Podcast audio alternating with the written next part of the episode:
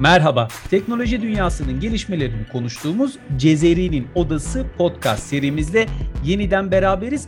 Bu programımızda dijital teknoloji devlerinin rekabet yasalarına uyumunu konuşacağız. Son yıllarda bu rekabet konusu bildiğiniz üzere sıkça özellikle cezalarla cezalardaki de yüksek meblağlarla konuşulmaya başlandı. Önce rekabet konusunda dijital teknoloji devleri neler yaşamış, bu konuda neler yaşanmış, son dönemde teknoloji firmaları yani diğer bir adıyla antitrust konusunda nelerle karşı karşıya kalmış bunları bildiğiniz gibi yayınlarımızın daimi konuğu diyeyim e, Anadolu Ajansı teknoloji muhabiri Kadir Günyol'a soracağız. Kadir hoş geldin. Hoş bulduk Sefa. E, bugün ayrıca bu konuda bizi bilgilendirecek iki uzman kişi bizlerle birlikte. Türkiye'nin rekabet konusundaki bildiğimiz gibi üst kurulunun bulunduğu rekabet kurumundan e, bizlere alanında uzman Zeynep Şengören ve Can Sarıçiçek eşlik edecek. Zeynep Hanım, Can Hanım sizler de hoş geldiniz. Hoş bulduk, teşekkür ederiz. Hoş bulduk, teşekkürler. Şimdi konuklarımız müsaade ederse öncelikle Kadir'le başlamak istiyorum. Kadir, Şimdi öncelikle bizim ismini çok duyduğumuz ve günlük hayatımızda da çok fazla yer alan telefonlarımızda, e, bilgisayarlarımızda yani dijital teknolojiyi kullandığımız yerlerde çok fazla karşımıza çıkan Google olsun, Facebook olsun, Apple olsun veya bu teknoloji firmalarının alt firmaları WhatsApp gibi, Instagram gibi, Twitter olabilir.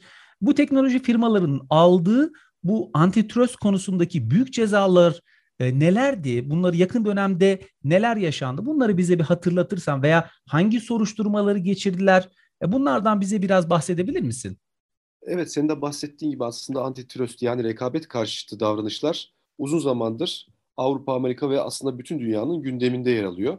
Bununla ilgili özellikle Apple, Google, Amazon ve Facebook gibi şirketler birçok soruşturmaya maruz kaldılar. Özellikle Amerikan Kongresi'nde bir soruşturma yaşandı bu soruşturmada Apple CEO'su Tim Cook, Facebook CEO'su ve Amazon CEO'su katılmıştı. Tabii burada çok enteresan iddialar gündeme geldi. Onlardan biraz bahsetmek istiyorum. Örneğin Apple şirketi bir uygulamayı kendi mağazasından kaldırmakla suçlandı. Olayın aslı şuydu. Kongrede Apple'a şu suçlama yöneltildi. Bir e, telefon uygulaması var. Bu uygulama özellikle çocuklara ekran karşısında nasıl süreyi geçirdiklerini ve ne kadar uzun durduklarını bildiren özellikle ebeveynlerine bununla ilgili raporlar veren bir uygulama vardı. Apple bu uygulamanın bir benzerini kendisi yaptığında benzer uygulamaları kendi platformundan kaldırmıştı ve bununla ilgili senatoda ifade vermek zorunda kaldı Apple. E, aynı şekilde Google da aslında birçok soruşturmaya maruz kaldı. Biliyorsunuz dünya üzerinde yapılan arabaların yaklaşık %90'ı Google üzerinden yapılıyor ve Google'ın da rekabet karşıtı birçok eylemi olduğu konusunda birçok iddialar var. Bunlardan bir tanesinde yine Amerikan Kongresi'nde tartışılmıştı. Google'a şu suçlama yöneltildi. Google bir restoran değerlendirme uygulamasının verilerini çalarak kendi uygulamasında kullanmıştı. Bu restoran değerlendirme uygulaması Google'a uyardığında Google şunu söylemişti. Ya bunu kabul edersin ya da seni arama sonuçlarında en aşağıları atarım diye bir tehdit yöneltmişti. Bu bir kongredeki bir senatör tarafından Google'a bu suçlama yöneltilmişti. Facebook da aynı suçlamalardan bir tanesine maruz kaldı açıkçası. Biliyorsunuz Facebook, WhatsApp, Instagram gibi çok büyük uygulamaları satın aldı. Ama Instagram'ı satın almadan önce yaşanan bazı süreçler dünya kamuoyunda çok fazla konuşuldu. Bunlardan bir tanesi şu. Facebook, Instagram'ı satın almadan önce Facebook Camera diye bir uygulama geliştirdi ve ya bana Instagram'ı satarsın ya da ben bu uygulamayı senin uygulamana çok benzer bu uygulamayı parlatırım, seni söndürürüm gibi bir tehditte bulunduğu iddia edilmişti. Bunlar Amerikan Senatosu'nda çok ciddi bir şekilde tartışıldı. İsterseniz biraz da verilen cezalara geçelim. Özellikle Facebook, biliyorsunuz Türkiye'de WhatsApp ve Facebook konusu çok tartışıldı son dönemde. Facebook WhatsApp konusunda aslında Avrupa Birliği'nden çok büyük bir ceza aldı 2017 yılında. Avrupa Birliği şirketlerin birbirleri arasındaki veri transferlerinde çok hassas davranıyor. Facebook Avrupa Birliği'ne WhatsApp'ı aldıktan sonra WhatsApp ve Facebook arasında bir veri transferi olmayacağını söylemişti. Ancak Avrupa Birliği bu veri transferini tespit ettiğinde Facebook'a bir ceza kesti.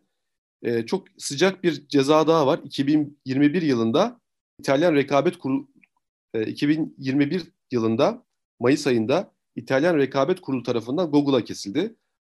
Google elektrikli şarj noktalarını gösteren bir uygulamayı kendi arama sonuçlarında aşağılarda göstermeye başlamıştı.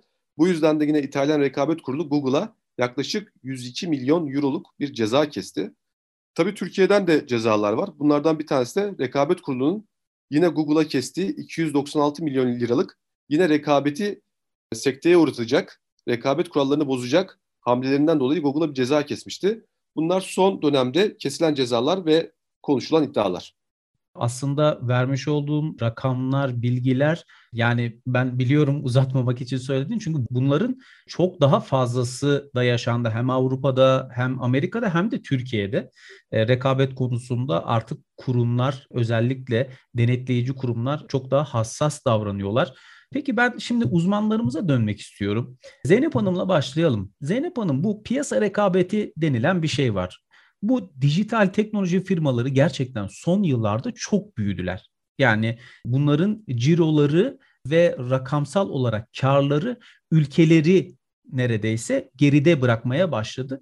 Peki bu dijital teknoloji firmaları bu rekabet piyasasında nasıl oyun değiştirici bir role sahip oldular? E, dediğiniz gibi son yıllarda bu firmalar gerçekten çok büyüdü. Biraz bunun arkasında tabii ticaretin dijitale kayması var artık pek çok işlemin dijital dünyada e, yürütülmesinden dolayı bu pazarlar e, özellikle son 10-15 yılda çok büyük bir büyüme kat etti. Burada da genelde şöyle bir e, eğilim görüyoruz bu pazarlarda. Genelde bir tane oyuncunun çok çok büyüdüğünü görüyoruz. Kullanıcı sayısı olarak büyüdüğünü görüyoruz, işte ciro olarak büyüdüğünü görüyoruz.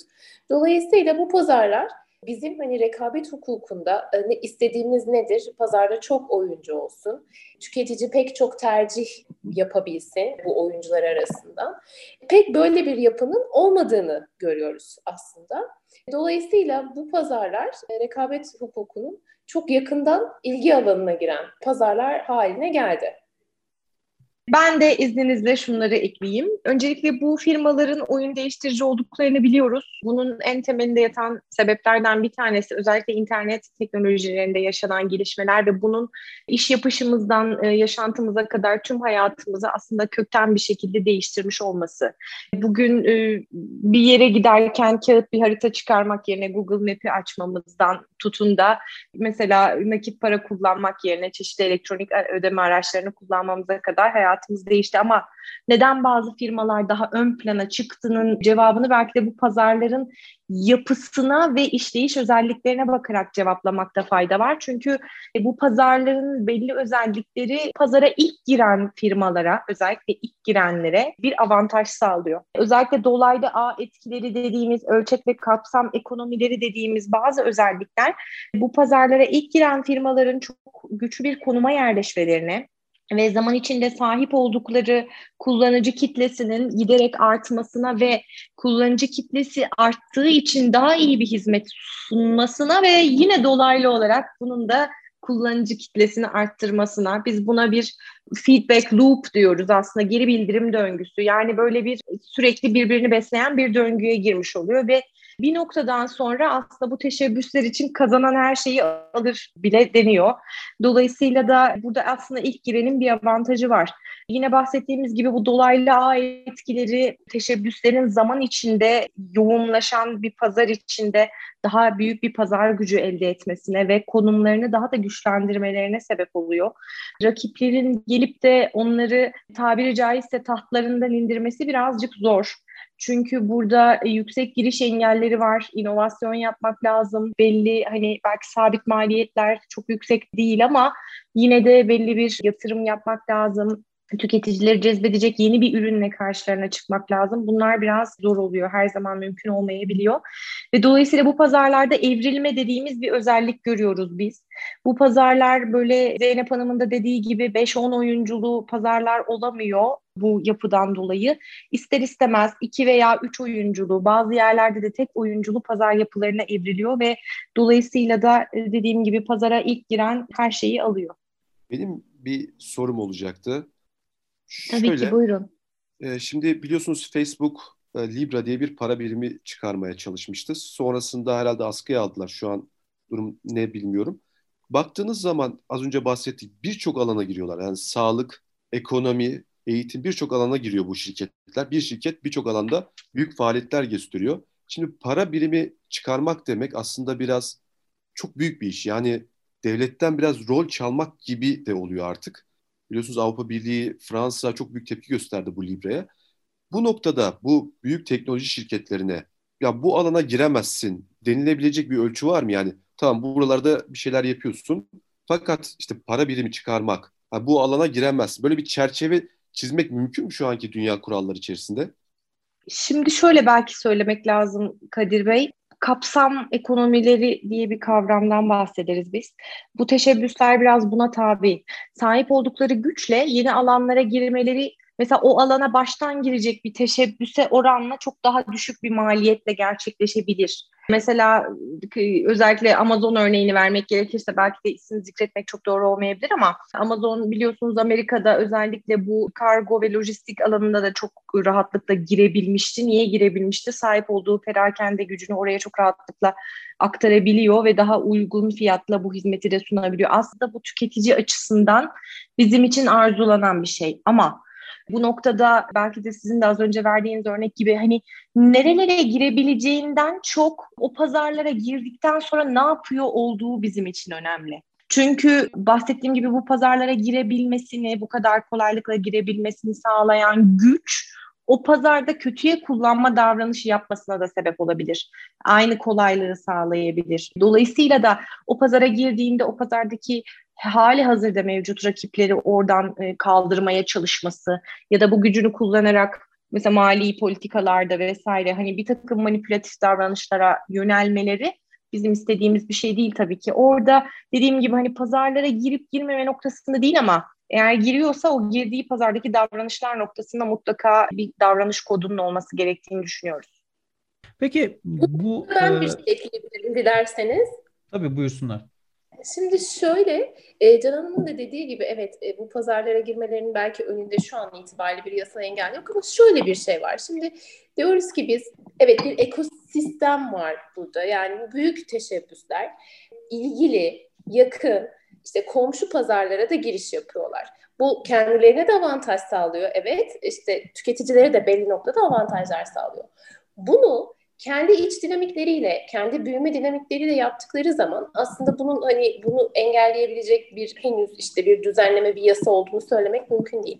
Ama bunu bazı devralmalar, birleşmeler yoluyla yaptıkları zaman örneğin Kadir Bey'in de belirttiği işte Facebook'un Instagram'ı devralması, Facebook'un WhatsApp'ı devralması gibi e, zaten hali hazırda ortaya çıkmış, büyümüş bir yenilikçilik göstererek bu pazarda yer edilmiş bir firmanın devralınması durumunda aslında e, rekabet rekabet yasaları devreye girip bu pazarlarda böyle bir büyüme, rekabeti sınırlayabilir, rakiplerin pazara girişini engelleyebilir, tüketicileri zarara uğratabilir e, gerekçeleri aslında engellenebiliyor. Evet, şimdi benim sormak istediğim şöyle bir durum var. Şimdi biz diyoruz ki rekabet konusu ortaya geldiğinde işte bazı firmaların tekerleşmesini, bazı firmaların monopoli veya duopoli dediğimiz hani o sektörde tek isim veya çift isim olarak varlığının engellenmesi, biraz daha kısıtlanması konusunu konuşuyoruz. Şimdi ABD Temsilciler Meclisi yeni bir antitrust yasası hazırlıyor. Bu yasada büyük teknoloji firmalarının hem bir hizmet sağlayıp hem de o hizmet aracılığıyla kendi ürünlerini ön plana çıkarmasını yasaklaması söz konusu. Ben şunu soruyorum. Ben bir firma sahibiyim. Çok büyük bir firmam var. Ben neden kendi sağladığım hizmette kendi ürünlerimi ön plana çıkartamıyorum? İzin verirseniz bu sorunuza ben cevaplamak isterim. Burada belki ince bir nüans var ona dikkat çekmek gerekebilir. Ön plana çıkaramaz demek belki de çok yüzde yüz doğru bir ifade değil. Daha çok hani hangi koşullarda çıkaramaz onu tespit etmek lazım.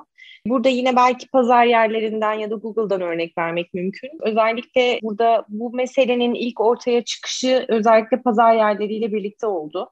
Çünkü Normalde pazar yerlerinin ortaya çıkışı Amazon, Trendyol hepsi burada. Bunların hepsi için benzer bir işleme söz konusu. İlk ortaya çıktıklarında sadece tüketiciler ve üçüncü taraf satıcıları bir araya getiren bir takım platformlar olarak ortaya çıkıyorlar. Ama işleyişin belli bir noktasında kendileri de satıcı olmaya karar veriyorlar ve kendi ürünlerini de bu platformun içine koymaya başlıyorlar. Bu rol değişimiyle birlikte aslında kendi platformlarında hizmet verdikleri o üçüncü taraf satıcılara karşı hem hizmet sağlayıcı hem de rakip olmuş oluyorlar. Bu noktada da her firma tabii ki öncelikle kendi çıkarlarını güdeceği için bir çıkar çatışması meydana gelmeye başlıyor ve endişe buradan kaynaklanıyor.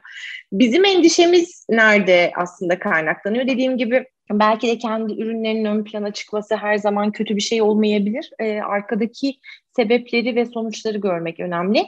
Buradaki endişenin kaynağı şu, pazar yerleri olabilir, yine Google olabilir. Google için de benzer şeyler söyleniyor. Mesela Google deniyor ki bazı arama sonuçlarını çok aşağıya koyuyor ama kendisi için daha önemli olan, daha çok gelir elde ettiği sonuçları yukarıya çıkartıyor. Aslında iddia birbirine çok benziyor.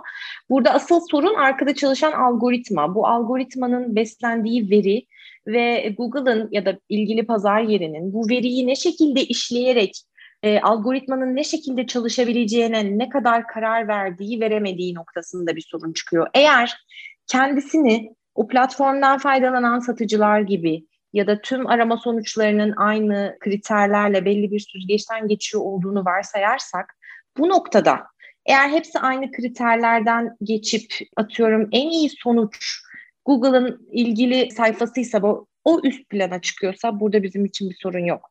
Yine benzer şekilde en iyi fiyata göre sırala dediğimizde tüm ürünler aynı süzgeçten geçiyorsa ve belli bir pazar yerinin kendi ürünü üçüncü satıcıların ürününden daha üst sıralarda listelenebiliyorsa burada sorun yok. Çünkü burada objektif bir takım kriterlere tabi tutulma sonucunda eşit bir yarış, eşit bir rekabet sonucunda evet yine daha iyi olan kazanmış oluyor ama aynı koşullara tabi tuttuğunda üçüncü bir satıcının ürününü de oraya koyabiliyorsa o zaman bizim için sorun yok. Ama bunu koymuyorsa ve arka taraftaki algoritmayı sürekli kendi ürünlerini ön plana çıkaracak şekilde programlıyorsa o zaman burada bir sorun var ve buna müdahale etmek gerekiyor. Burada ikinci bir endişe şuradan doğuyor özellikle. Şimdi satıcıların verilerini özellikle elinde tutan bu pazar yerleri satıcıların en çok satan ürünlerini tüketiciler tarafından en çok tercih edilen renginden numarasına görebilme ve izleyebilme yeteneğine sahip. Dolayısıyla da bu ürünleri satmaya başlama ama bu noktadaki farkı belki de şöyle izah etmek lazım. Hiçbir ticari riske katlanmaksızın. Sadece kendi platformundaki faaliyeti izleyerek çok güvenli bir şekilde ticarete atılabiliyor oluyorlar. Dolayısıyla aslında satıcı bir riske maruz kalırken e-pazar yeri bu riske hiç katlanmıyor. Zaten maliyetleri de çok düşük ve doğrudan bir kar elde edebilecek alana girebiliyor. Aslında bu iki endişe özelinde bir hani yoğunlaşan endişeler var. Ama e, dediğim gibi hani burada tamamen bunu yanlış gibi görmemek lazım. Gerçekten tüm herkes aynı koşullara tabi tutuluyor mu? Ve şeffaflık var mı? Yani bu koşulları görebiliyor muyuz? Bazı pazar yerleri bunları açıklıyor. Mesela diyor ki en hızlı kargolayanları ön plana çıkarıyorum ya da bana şu kadar reklam vereni ön plana çıkarıyorum. Eğer siz bunları görüyorsanız ve bunları kabul ediyorsanız satıcı olarak zaten bizim için bir sorun yok. Ama hem bu koşulları gizli tutuyorsa hem de kendisi arka planda bir takım o algoritmalara müdahale edip bunları manipüle ediyorsa o noktada sorun var diyebiliriz. Ben kısa bir e, sizi desteklemek için Can Hanım bir ekleme yapmak istiyorum. Bu, Buyurun lütfen. Az önce bahsettiğiniz mevzuyla ilgili Amazon Amerikan Kongresi'nde ifade verirken Amazon'a yönlendirilen suçlamalardan bir tanesi de buydu. Amazon hı hı. kendi platformu içerisinde yer alan çok satan bazı ürünleri direkt kopyalarak kendisi satmaya başladı ve bu ürünleri de üstlerde çıkarmaya başladığı için bir hı hı. suçlama yöneltildi Amazon'a.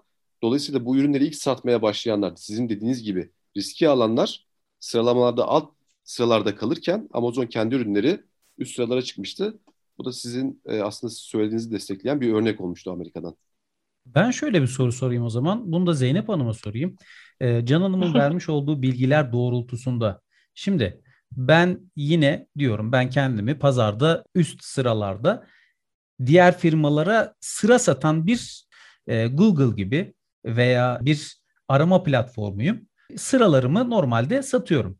Peki kendi hizmetlerimi nasıl öne çıkartacağım? Şimdi ben onlara satış yaparak bu sıraları bu algoritmalarla diyorum ki işte daha yüksek sırada görünmek için veya şu kadar bana para ödemeniz lazım.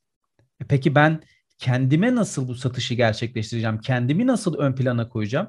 Ben bu sistemi satışla kurmuşum. Kendi programımı da ayrı bir şirket kurup onun üzerinden mi kendime pazarlayacağım? Nasıl olacak bu iş?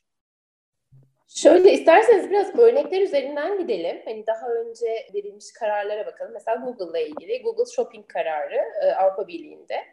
Orada mesela Google kendi alışveriş hizmetlerini yani siz bir arama yapıyorsunuz ve hani aramada alışveriş sekmesi var biliyorsunuzdur.